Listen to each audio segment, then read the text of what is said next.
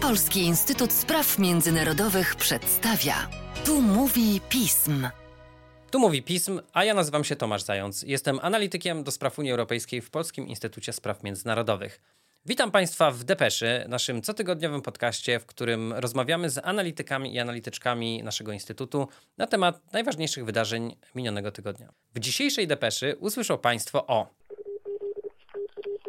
decyzjach dotyczących migracji, sankcji oraz polityki rozszerzenia, które zapadły w Unii Europejskiej. Patrząc na dane od stycznia do listopada bieżącego roku, Unia jest jednym z najważniejszych importerów paliw kopalnych z Rosji po Chinach, Indiach i Turcji, przekazując rosyjskiemu budżetowi około kilkadziesiąt miliardów euro rocznie. Rada i Parlament ogłosiły, że osiągnęły pewnego rodzaju przełom, ale jednocześnie zaznaczyły, że jest to wstępne porozumienie nad pakietem migracyjnym. Ustawie dotyczącej migracji uchwalonej we Francji Skrajna prawica ogłosiła sukces ideologiczny. Sama Marine Le Pen mówi, że to jest tak naprawdę pierwszy etap tego sukcesu, a drugim etapem będzie jej prezydentura w 2027 roku oraz wyborach, które miały miejsce w środę w Demokratycznej Republice Konga. Kongo jest o tyle krajem specyficznym, że jest gigantem na glinianych nogach. To jest wielkie państwo, ale bardzo słabe. W ogóle zorganizowanie wyborów na tak wielkim obszarze, to są lasy równikowe, to są wielkie jeziora, nieprzejezdne drogi, jest niesłychanie trudne. Depesza pism.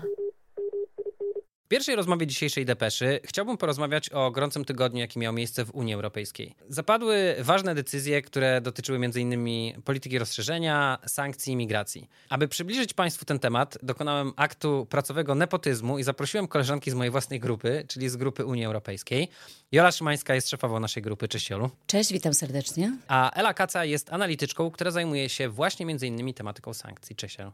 Cześć. Mam nadzieję, że wybaczycie mi, ale na początku chciałbym dwa słowa ja powiedzieć na temat decyzji, no jednak dosyć ważnej, jaką było otwarcie rozmów akcesyjnych z Ukrainą i Mołdawią. Te rozmowy rozpoczną się prawdopodobnie z Ukrainą dopiero w marcu, też po dopełnieniu pewnych warunków. Z kolei Bośnia i Hercegowina dostała taką obietnicę, że te rozmowy się rozpoczną, jeśli ona pewne reformy wprowadzi. No i Gruzja, która przy tej poprzedniej rundzie, że tak powiem, w której status kandydata był przydzielany i kiedy dostała go właśnie między innymi Ukraina, Ukraina nie dostała wtedy tego statusu.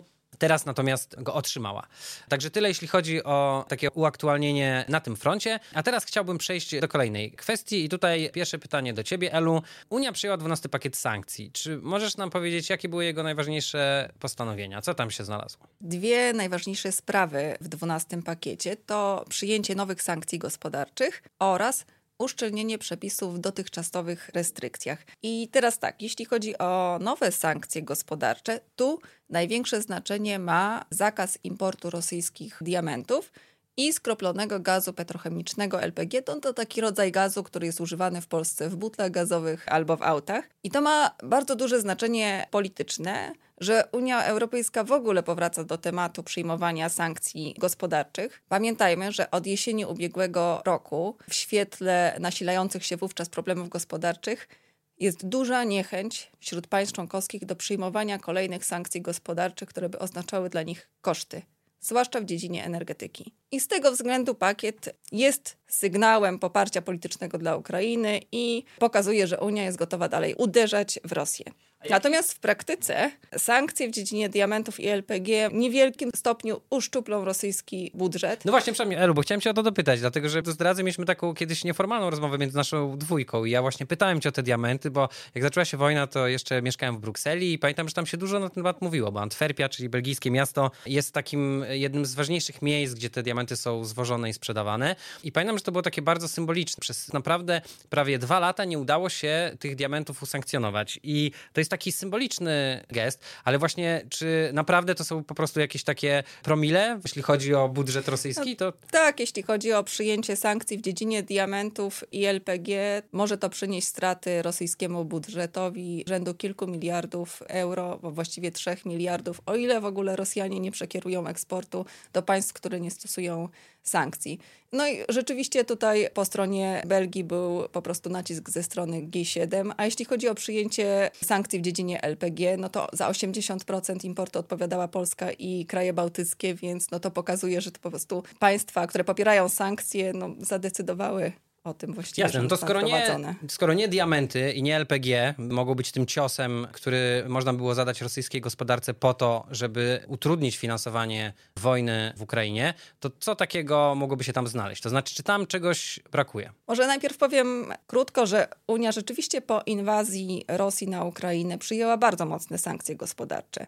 Zrobiła wiele, ale może dużo więcej. No, po inwazji te wszystkie sankcje gospodarcze, one obejmują ponad połowę handlu unijnego z Rosją przed inwazją w kwocie mniej więcej 140 miliardów euro. Dodatkowo Unia Europejska też wprowadziła mocne sankcje finansowe, na podstawie których zamroziła około 30 miliardów aktywów prywatnych, głównie oligarchów rosyjskich, oraz ponad 200 miliardów aktywów publicznych rosyjskiego banku centralnego.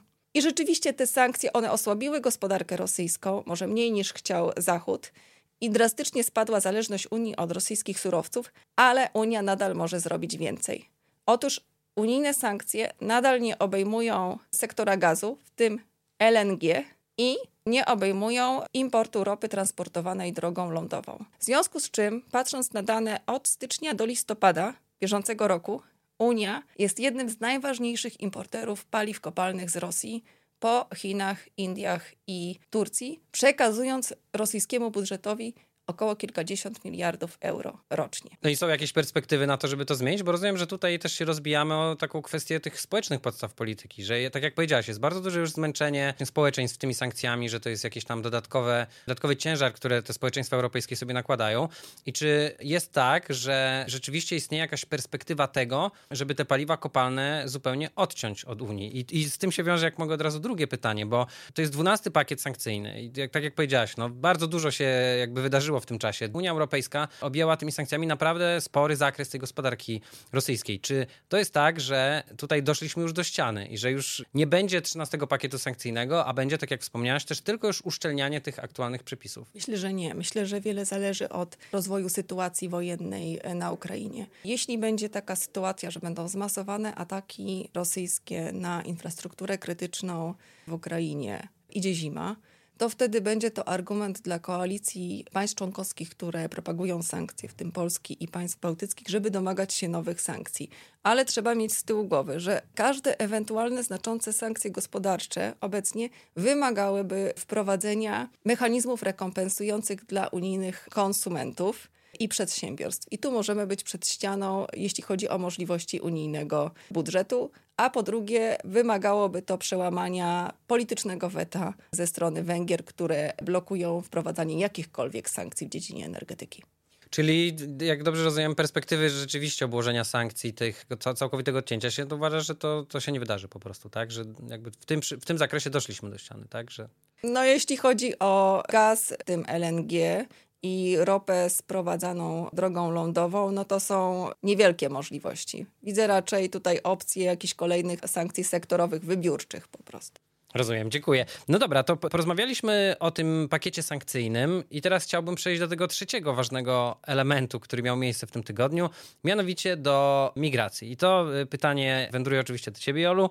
Parlament Europejski razem z Radą porozumiały się w sprawie paktu dotyczącego migracji i azylu. Takiej kości niezgody od wielu, wielu lat negocjowanych. Czy możesz nam przybliżyć, co takiego się znalazło w tym pakcie i jak wygląda to kompromisowe rozwiązanie? Tak, jeśli chodzi chodzi o ostatnią środę, 20 grudnia, tuż przed świętami, warto powiedzieć, że Rada i Parlament ogłosiły, że osiągnęły pewnego rodzaju przełom, ale jednocześnie zaznaczyły, że jest to wstępne porozumienie nad pakietem migracyjnym, czyli nad pięcioma rozporządzeniami, które tworzą ten pakiet, i jednak będą się w najbliższych tygodniach toczyć dalsze prace nad szczegółami technicznymi, które pozwolą właśnie doprecyzować szczegóły tych rozporządzeń w takim kształcie ostatecznym, jaki się uda wypracować, te rozporządzenia trafią do Parlamentu i Rady i będą ostatecznie zatwierdzane. Przypomnijmy, że w polityce migracyjnej mamy głosowanie kwalifikowaną większością w Radzie, w związku z tym tutaj może dojść do głosowania i w Parlamencie mamy zwykłą większość, w związku z tym jest to tak zwana zwykła procedura decyzyjna. Także jeszcze nie możemy mówić o końcowym etapie prac, natomiast no, przełom jakiś nastąpił, czyli te techniczne porozumienie wstępne istnieje. O jakim pakiecie mówimy? Tak naprawdę propozycję pakietu migracyjnego kilkukrotnie komisja przedstawiała, bo w 2016 był po kryzysie migracyjnym pierwsza inicjatywa w tym zakresie, ona wzbudziła duże kontrowersje. Później była propozycja z 2020 roku i tak naprawdę do niej odnosi się to ostateczne porozumienie. Ambicją tutaj jest wypracowanie kompromisu właśnie ostatecznych rozstrzygnięć przed wyborami do Parlamentu Europejskiego. I mamy w ramach tego pakietu pięć rozporządzeń, które dotyczą takich kwestii jak kontroli przesiewowej migrantów o nieuregulowanym statusie, pobierania danych biometrycznych, procedur składania i rozpatrywania wniosków azylowych, ale przede wszystkim kluczowe rozporządzenie to jest nowelizacja rozporządzenia dublińskiego, które było kością niezgody. Między... Właśnie o to, o, jeżeli mogę, właśnie o to chciałem zapytać, no bo to jest chyba taka najbardziej medialna kwestia i chyba warto właśnie o tym od razu porozmawiać. Wiem, że też na takim froncie tutaj mediów społecznościowych walczyłaś właśnie z jakimiś różnymi niedopowiedzeniami związanymi z tymi, czy relokacje będą obowiązkowe, czy nie będą obowiązkowe, czy płatność za to, że ktoś odmówi tych relokacji jest obowiązkowa. Czy możesz to przybliżyć teraz, jak to wygląda? Tak, więc powiem od razu, że pełnej wiedzy na ten temat nie mam i nie posiadają jej eksperci, ponieważ te dokumenty nie wypłynęły w całości. W związku z tym wiemy to, co przedstawiały nam instytucje w swoich prasowych. Rada jest tutaj bardziej ostrożna w deklaracjach, natomiast parlament przedstawił nieco więcej szczegółów.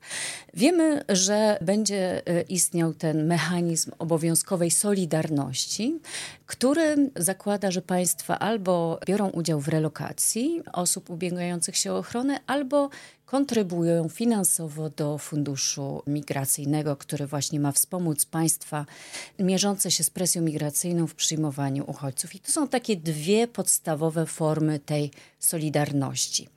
No i oczywiście otwartą kwestią jest, co dalej, jakie są potencjalne inne alternatywy, i tutaj parlament w zasadzie wskazuje, że jeśli te kontrybucje relokacji i finansowe nie zostaną spełnione, to państwo beneficjent będzie mogło się zwrócić do państw z prośbą o rozpatrzenie wniosków azylowych za niego.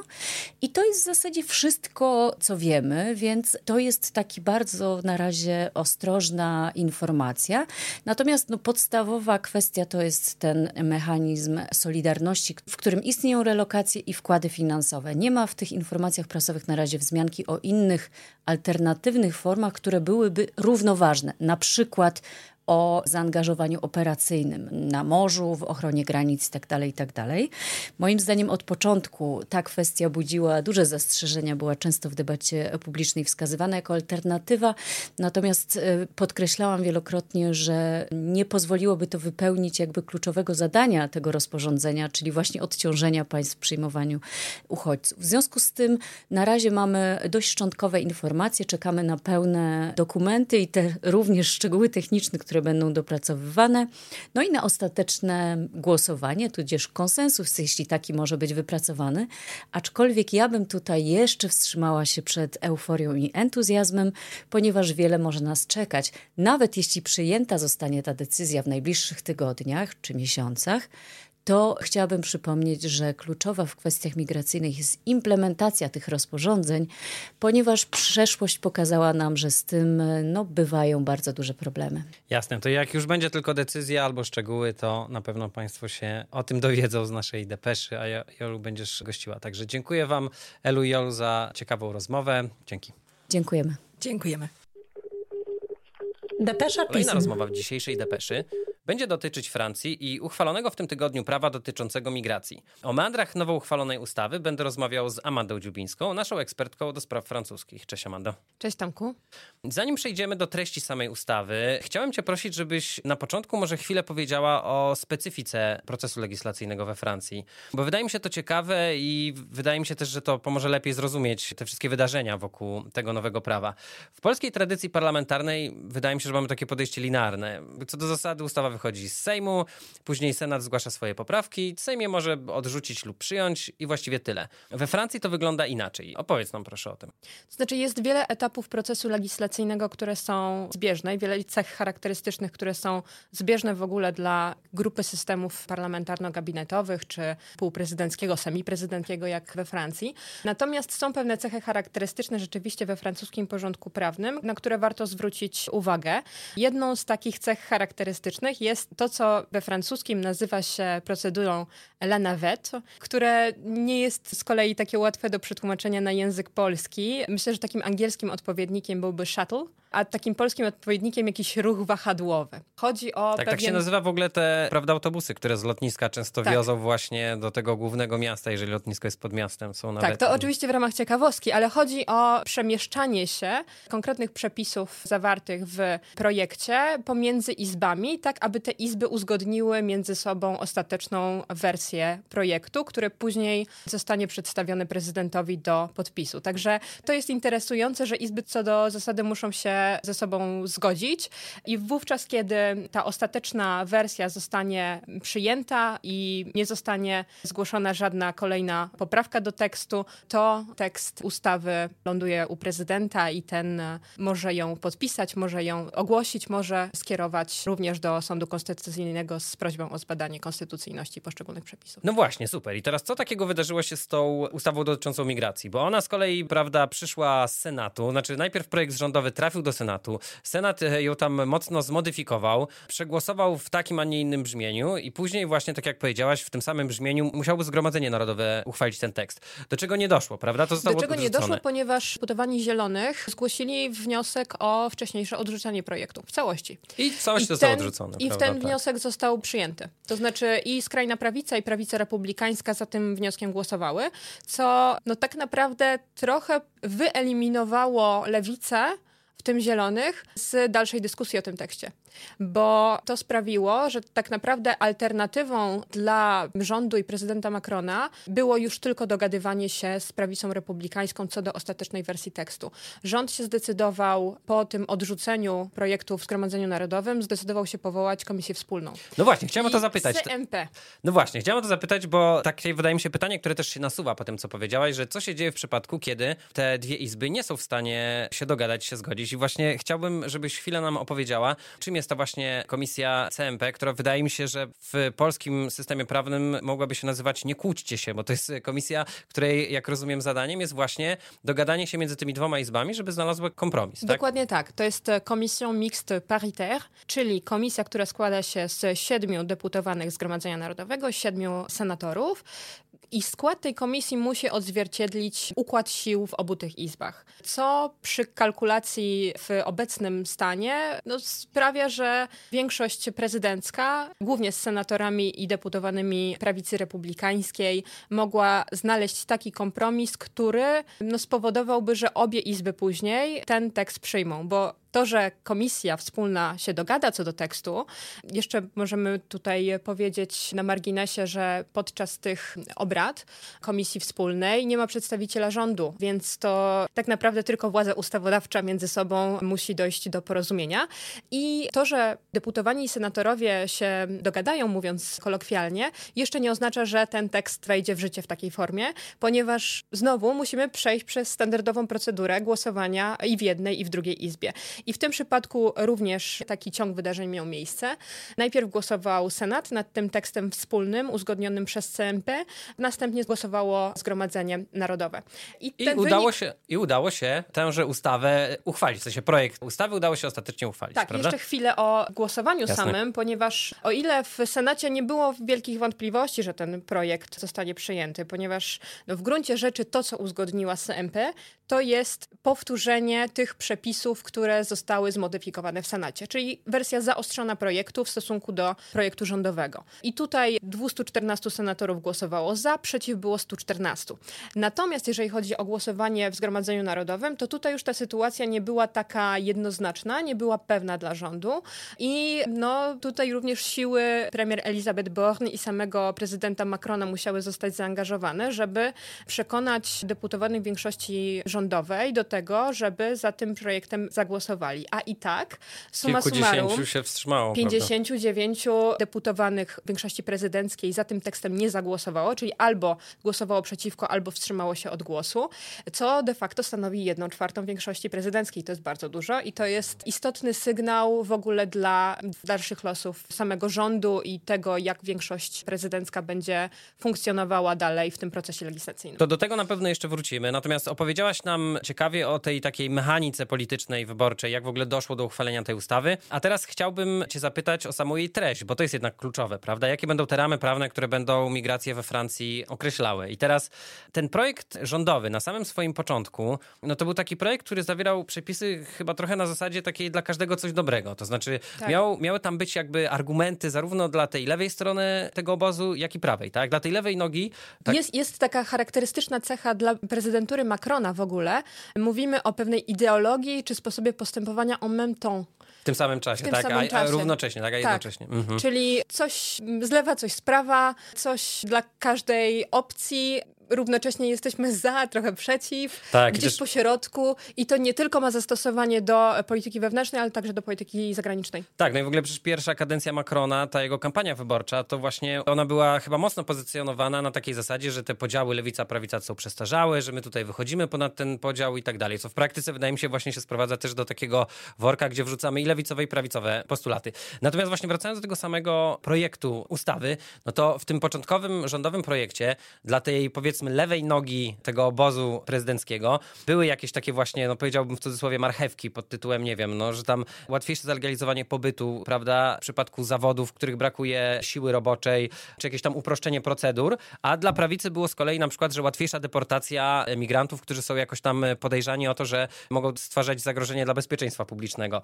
No i czy zgodziłaby się teraz z taką tezą, że ten ostatecznie przegłosowany tekst to jest tekst, który tą lewą nogę po prostu amputował w całości, a jeszcze można by było powiedzieć, że do tej prawej nogi to przeszczepił dodatkowe mięśnie. Tak, zdecydowanie jeżeli chodzi o ostateczną wersję projektu, to tutaj te rozwiązania, które byłyby zachętą pewną dla deputowanych, takich bardziej centrowych z tego lewicowego skrzydła do tego, żeby za tą ustawą zagłosować, no to one zasadniczo wypadły w toku tych prac i no tak naprawdę, tak jak powiedziałam, projekt ostateczny bardzo blisko koresponduje z tym projektem senackim. I co tam jest, powiedz Czyli Właśnie jakie tam są e, postanowienia? E, czyli ideą republikanów było przede wszystkim to, żeby imigrację w sposób bardziej wyraźny związać z pracą czyli uzależnić jak najbardziej się da na przykład świadczenia socjalne nie tylko od okresu pobytu we Francji, nie robić pewnego automatyzmu pomiędzy otrzymywaniem świadczenia a okresem pobytu, ale również uzależnić to od tego, czy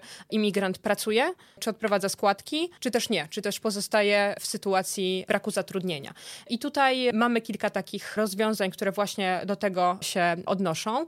Mamy również kwestię zaostrzenia przepisów związanych z łączeniem rodzin, no to też odpowiada poniekąd właśnie temu bliższemu powiązaniu imigracji z pracą, czyli został wydłużony okres, w stosunku do którego imigrant może ubiegać się o łączenie rodzin. Także republikanie optowali za wprowadzeniem kwot imigracyjnych i to jest taki przepis, który jest do tej pory kwestionowany i jego tak naprawdę zgodność z konstytucją jest kwestionowana.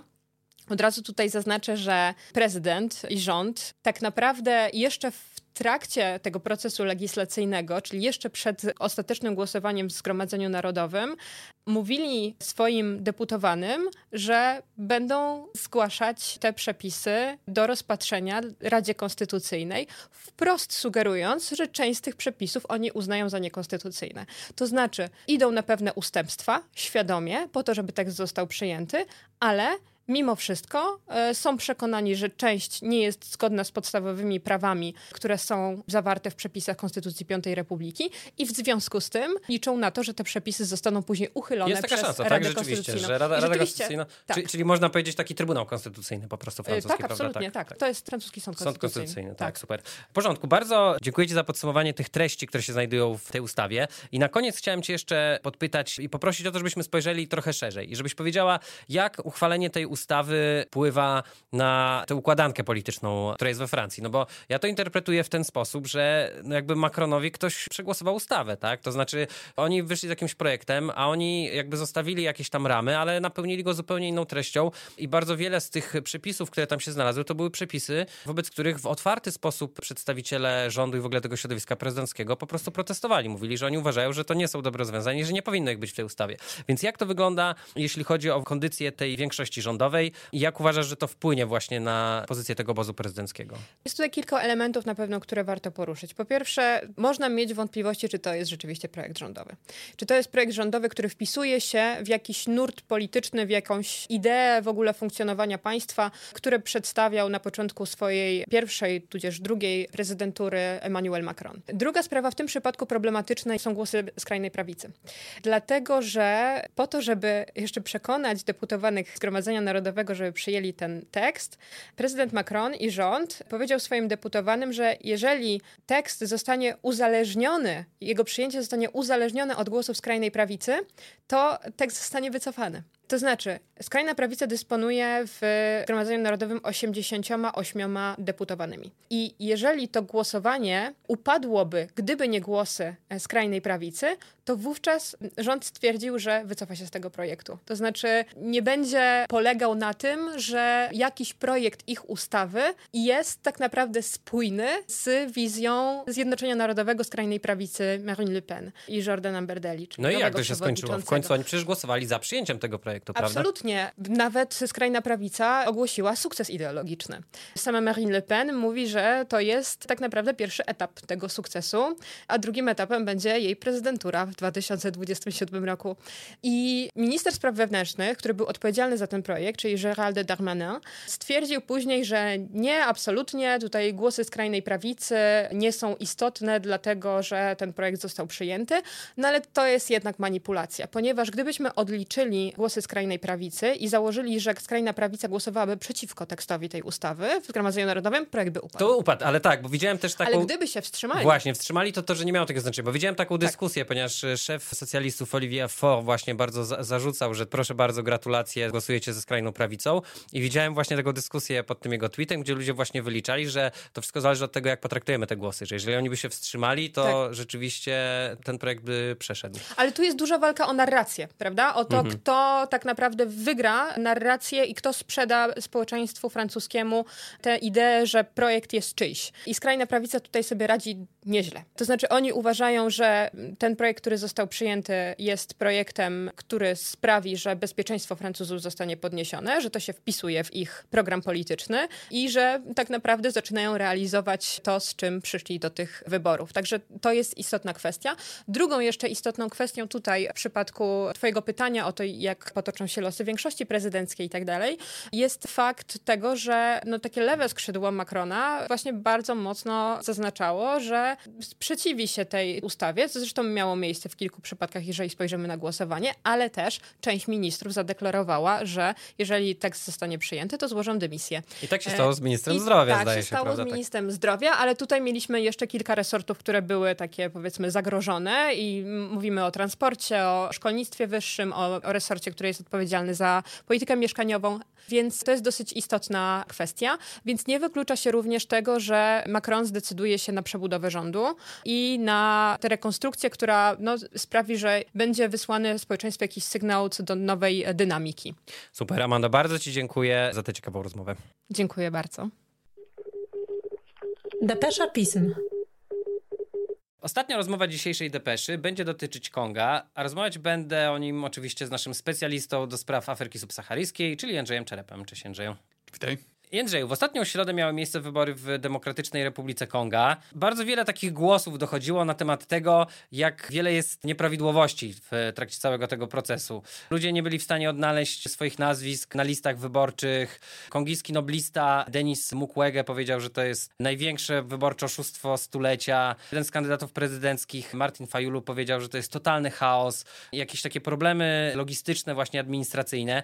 Czy możesz nam powiedzieć, jak wyglądał ten proces wyborczy i czym on będzie skutkował? Można trochę porównać wybory w Kongu z wyborami w Indiach. Tak jak Indie są największą, największym państwem demokratycznym na świecie, którym zorganizowanie wyborów wymaga gigantycznej logistyki. I pomimo wielu trudności jakoś tam to się udaje, to Kongo jest takim odpowiednikiem w Afryce. Kongo jest poza tym o tyle krajem specyficznym, że jest gigantem na glinianych nogach. To jest wielkie państwo, ale bardzo słabe. Takie, w którym właściwie władza na dalekiej prowincji, zwłaszcza na wschodniej prowincji, gdzieś tam w, tym w rejonie Wielkich Jezior, jest słabiutka. W ogóle zorganizowanie wyborów na tak wielkim obszarze, to są lasy równikowe, to są wielkie jeziora, nieprzejezdne drogi, jest niesłychanie trudne. Dlatego Zresztą... wstępne wyniki wyborów będą 31 grudnia, zdaje się, tak? Czyli półtora tygodnia po samym jakby akcie głosowania, tak? Tak, choćby bo dlatego, że trzeba te materiały wyborcze potem zwieść jakoś centralnie, a w ogóle, żeby rozwozić materiały wyborcze. Kongo w ostatnich dwóch tygodniach wezwało na pomoc Angolę, państwo sąsiednie, Egipt oraz siły ONZ-owskie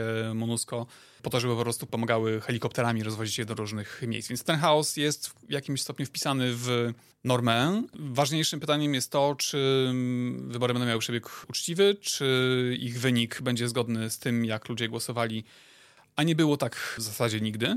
Nie było tak nawet przy poprzednich wyborach, które były no, ogłoszone jako sukces, bo był to pierwszy pokojowy transfer władzy w historii Demokratycznej Republiki Konga, ale, no, ale były oszukane, były po prostu, wynik był zupełnie inny. Miał wygrać Martin Fayulu, znaczy na niego ludzie głosowali, wygrał Felix Tshisekedi oficjalnie na papierze. W tym momencie, no tak naprawdę pytanie podstawowe jest takie, czy po wyborach w związku z tymi wszystkimi frustracjami, problemami nie dojdzie do jakiejś fali przemocy, czy ktoś nie sięgnie po, po przemoc, żeby, żeby jak, dochodzić swoich praw. Jak ty to oceniasz? Czy rzeczywiście jest tak, że amunicja, że tak powiem, retoryczna, stosowania bardzo łatwo po nią sięgnąć, tak? Że to my nie uznajemy wyników wyborów, bo było tak wiele manipulacji. Zresztą no, ciężko odmówić tutaj jakiejś racji, ale czy myślisz, że właśnie w imię jakiegoś takiego, nie wiem, stabilności tego państwa ci pozostali kandydaci, ich jest zdaje się 19 chyba, tak? Tak, no faktycznie jeden jest, y, większość Większość z nich prowadziło swoje kampanie tylko w, w, niektórych prowincjach. Właściwie taką ogólnokrajową kampanię szeroką prowadziło tylko dwóch. Urzędujący Felix Tshisekedi oraz były gubernator Katangi, czyli najbogatszej prowincji i był właściciel najbogatszego klubu piłkarskiego kongijskiego, czyli Moiska Tumbi. Ci dwaj to są tacy pierwszoplanowi gracze. Jest też Pajulu, o którym mówiłeś, który faktycznie wygrał poprzednie wybory, ale nigdy nie zostało to uznane. Oraz Denis Mukwege, lekarz, ginekolog, który zasłynął pomaganiem ofiarom y, gwałtów stosowanych jako narzędzie wojny we wschodniej części Konga i który jest w Kongu, wygrał pokojową Nagrodę Nobla. Był początkowo uznawany za czarnego konia, który może wyjść poza podziały regionalne, etniczne, być taką siłą moralną, kogoś, kto się nie wywodzi z klasy politycznej, ale chyba bardzo przygnęła do niego łatka człowieka Zachodu, czy takiej trochę marionetki Zachodu, ulubieńca Zachodu, a więc i marionetki Zachodu, tak to zwykły człowiek odbiera. Więc tutaj mamy tak naprawdę dwóch, którzy się liczą, a w sondaże, o ile można jakimkolwiek sondażom ufać, tutaj też to w nawias trzeba brać, wskazują, że urzędujący Felix Tshisekedi wygra z bardzo dużą przewagą, więc tutaj nawet jeśli będą jakieś nieścisłości, to i tak one raczej nie odwrócą trendu takiego, że po prostu obecnie urzędujący i tak te rządy przedłuży. No i myślisz, że nie uznają ten wynik? Jak to oceniasz? Jaka jest perspektywa? Myślę, że to przejdzie. Tu jest oczywiście dużo nieprzewidywalności, ale myślę, że to po jakimś tam okresie, powiedzmy, przepychanek nie powinno być z tego nic wielkiego i raczej wszyscy przyjdą do porządku dziennego tak jak to już miało też miejsce w wielu innych miejscach, co w sumie jest dobrą wiadomością. No, pomimo tego, że Tshisekedi jest, lubi władzę i lubi ją umacniać, to wniósł do tego kraju pewnego ducha nowości, którego ten kraj potrzebował. Czyli na przykład postanowił po raz pierwszy w historii tego kraju zbudować własny przemysł przetwórczy, jeśli chodzi o minerały, te, które są teraz najbardziej gorące na świecie, czyli te potrzebne do produkcji baterii do samochodów elektrycznych. Kongo może nie tyle przespało, co nigdy nie zyskało na wielkich rewolucjach przemysłowych na świecie, na popycie na gumę, kiedy powstawała motoryzacja i opony były robione z gumy, z kauczuku, który Belgowie wydobywali w Kongu. Później, kiedy weszła telefonia komórkowa na koltanie, minerale, który jest potrzebny do tych podzespołów. Kongo, kraj o wielkich bogactwach mineralnych, nie zyskał na tym ani grosza, tak naprawdę zwykły człowiek, zwykły Kongijczyk, dlatego, że te minerały czy surowce w stanie surowym stamtąd wyjeżdżały i dopiero na świecie ktoś inny... Bo mar marża największa jest za przetworzone jednak. Ktoś inny je przetwarzał i ktoś inny je sprzedawał z zyskiem. No, Tshisekedi reprezentuje ten ruch nowych przywódców afrykańskich, którzy takie przekleństwo historyczne chcą odwrócić i chcą postawić na przetwórstwo i wytwarzanie wartości dodanej u siebie na miejscu. To jest niezwykle ważne. Rozumiem, a jeszcze chciałem dopytać, bo rozumiem te wszystkie nieprawidłowości, jakby problemy administracyjne, tak jak powiedziałeś, które no, są w jakimś sensie systemowe po prostu, tak? Wielki kraj, który nie ma, nie jest aż tak zasobny, żeby sobie pozwolić po prostu na posiadanie tak rozległej administracji. Natomiast zastanawiam się, czy biorąc pod uwagę to, co się działo na przestrzeni ostatnich kilku lat, czyli zamachy stanu w Mali, Gabonie, Burkina Faso, w Czadzie, w Nigrze, to czy mimo wszystko to nie jest, to nie jest dobra wiadomość, że taki może no nie idealny i gdzieś tam jakoś skażony pewnymi nieprawidłowościami proces wyborczy jednak w takim kraju się odbywa. We wszystkich tych państwach, które wymieniłeś, w których doszło do zamachów stanu, dochodziło do nich dlatego, że proces demokratyczny istniał tam na papierze, natomiast w praktyce był totalnie zdominowany czy zmanipulowany przez aktualnie rządzących. To źle działająca demokracja, czy jakby skradziona demokracja jest w każdym przypadku źródłem ruchów, które prowadzą do przewrotów. I w przypadku Konga taka demokracja oczywiście funkcjonuje też na papierze. To też jest w dużym stopniu gra pozorów. Więc te same przyczyny, które wprowadziły do zamachów stanu w wielu innych miejscach, też istnieją w Kongu, więc nie ma, o ile tam do niego nie doszło, to nie jest jeszcze powód, żeby tutaj otwierać prawda, szampana i, i coś świętować. Natomiast te nastroje oczywiście też są bardzo zmienne i bardzo dynamiczne. Takim głównym powodem, co budzi ogromne emocje i ten gniew jako, jako element dyskusji wprowadza, to jest sytuacja we wschodniej części tego kraju, gdzie działa partyzantka M23 wspierana przez sąsiednią Rwandę i funkcjonująca tam na tym terenie misja ONZ-owska, która jest tam od lat 90., która jest na pewno najbardziej kosztowną, jedną z największych misji, nie była w stanie sobie z tym problemem poradzić, a wręcz otwarcie jej szef powiedział, że bardzo nam przykro, ale w gruncie rzeczy nic nie możemy zrobić, nie możemy chronić Kongijczyków, mieszkańców tego terenu. Ci partyzanci są o wiele lepiej wyposażeni i przygotowani od nas do walki, więc tak naprawdę możemy tylko się przyglądać. To Kongijczycy wkurzyli się niemiłosiernie z tego powodu. Powiedzieli, no, skoro tak, to przepraszam, ale co właściwie tutaj państwo robią? To tam jest wyjście i możecie się pakować i stąd wyjeżdżać. Momentalnie wystrzeliły słupki popularności choćby Rosji i grupy Wagnera. Bardzo poważnie duża część kongijskiej elity politycznej rozważała zerwanie z Zachodem i zwrócenie się w stronę Rosji. No bo skoro Zachód mówi, że jest właściwie bezradny, to przynajmniej może spróbujmy z tymi, którzy mówią, że przynajmniej spróbują. Pojawili się tam najemnicy, choćby rumuńscy, bo dużo słyszymy o Wagnerowcach, a nie wiemy zbyt dużo o tym, że także Rumunia jest takim krajem, z którego około tysiąca byłych policjantów, czy częściowo też byłych legionistów z Legii Cudzoziemskiej tworzy taką grupę, która tam wspiera armię kongijską w tej części kraju. Mają tam się pojawić chińskie drony niedługo, ale to napięcie między Kongiem a Rwandą, które grozi otwartą eskalacją i otwartym konfliktem, plus niezdolność poradzenia sobie z sytuacją niebezpieczeństwa i zagrożenia dla mieszkańców wschodniego Konga, jest tym obszarem, który ma potencjał prawda, eksplozji czy to politycznej, czy jakiejś wojskowej i e, no, zależnie od tego, jakie będą perspektywy jak to będzie tam się kształtowało, to możemy się ewentualnie patrzeć i przyglądać, czy jakieś dziwne ruchy ze strony armii są wykonywane. No, na razie oczywiście propaganda państwowa jest taka, że to wszystko y, się uda, to wszystko jest tylko kwestią czasu. Na tych terenach jest stan wyjątkowy, czy stan wojenny, jak można powiedzieć. Ale w dzień przed wyborami, 19 grudnia Rada Bezpieczeństwa ONZ uzgodniła i zatwierdziła plan wyjścia z Konga, czyli ta misja ONZ-owska oficjalnie już powiedziała, że wyjeżdża. To zajmie jakiś czas, ale Kongijczycy tak naprawdę przejmą tą sprawę we własne ręce. Czy będą mieli zdolność, siłę do tego, żeby to zrobić, czy znajdą sobie nowych partnerów zupełnie mm, z naszego punktu widzenia egzotycznych, jest na razie sprawą zupełnie otwartą. Jasne, to tą, e, no może nie do końca optymistyczną puentą zakończymy tę rozmowę, także dziękuję Ci Jędrzeju za podzielenie się swoją wiedzą. Dzięki. Dziękuję również. Depesza pism. I tą rozmową kończymy dzisiejszą depeszę. Na zakończenie chciałbym razem z współprowadzącą Sarą Nowacką, cześć Saro, Cześć Tomku. chcielibyśmy razem Państwu życzyć wesołych i spokojnych świąt. I żeby był to dla Państwa spokojny czas spędzony w gronie rodzinnym. Będą mieli Państwo trochę więcej czasu i przypominamy, że nie jest zabronione słuchanie wcześniejszych odcinków Depeszy ani Fokusa, do czego serdecznie zachęcamy. Jeszcze raz wszystkiego dobrego na święta, w szczególności naszej producentce Natalii Radulskiej, która ten podcast wyprodukowała. Tu mówił pism.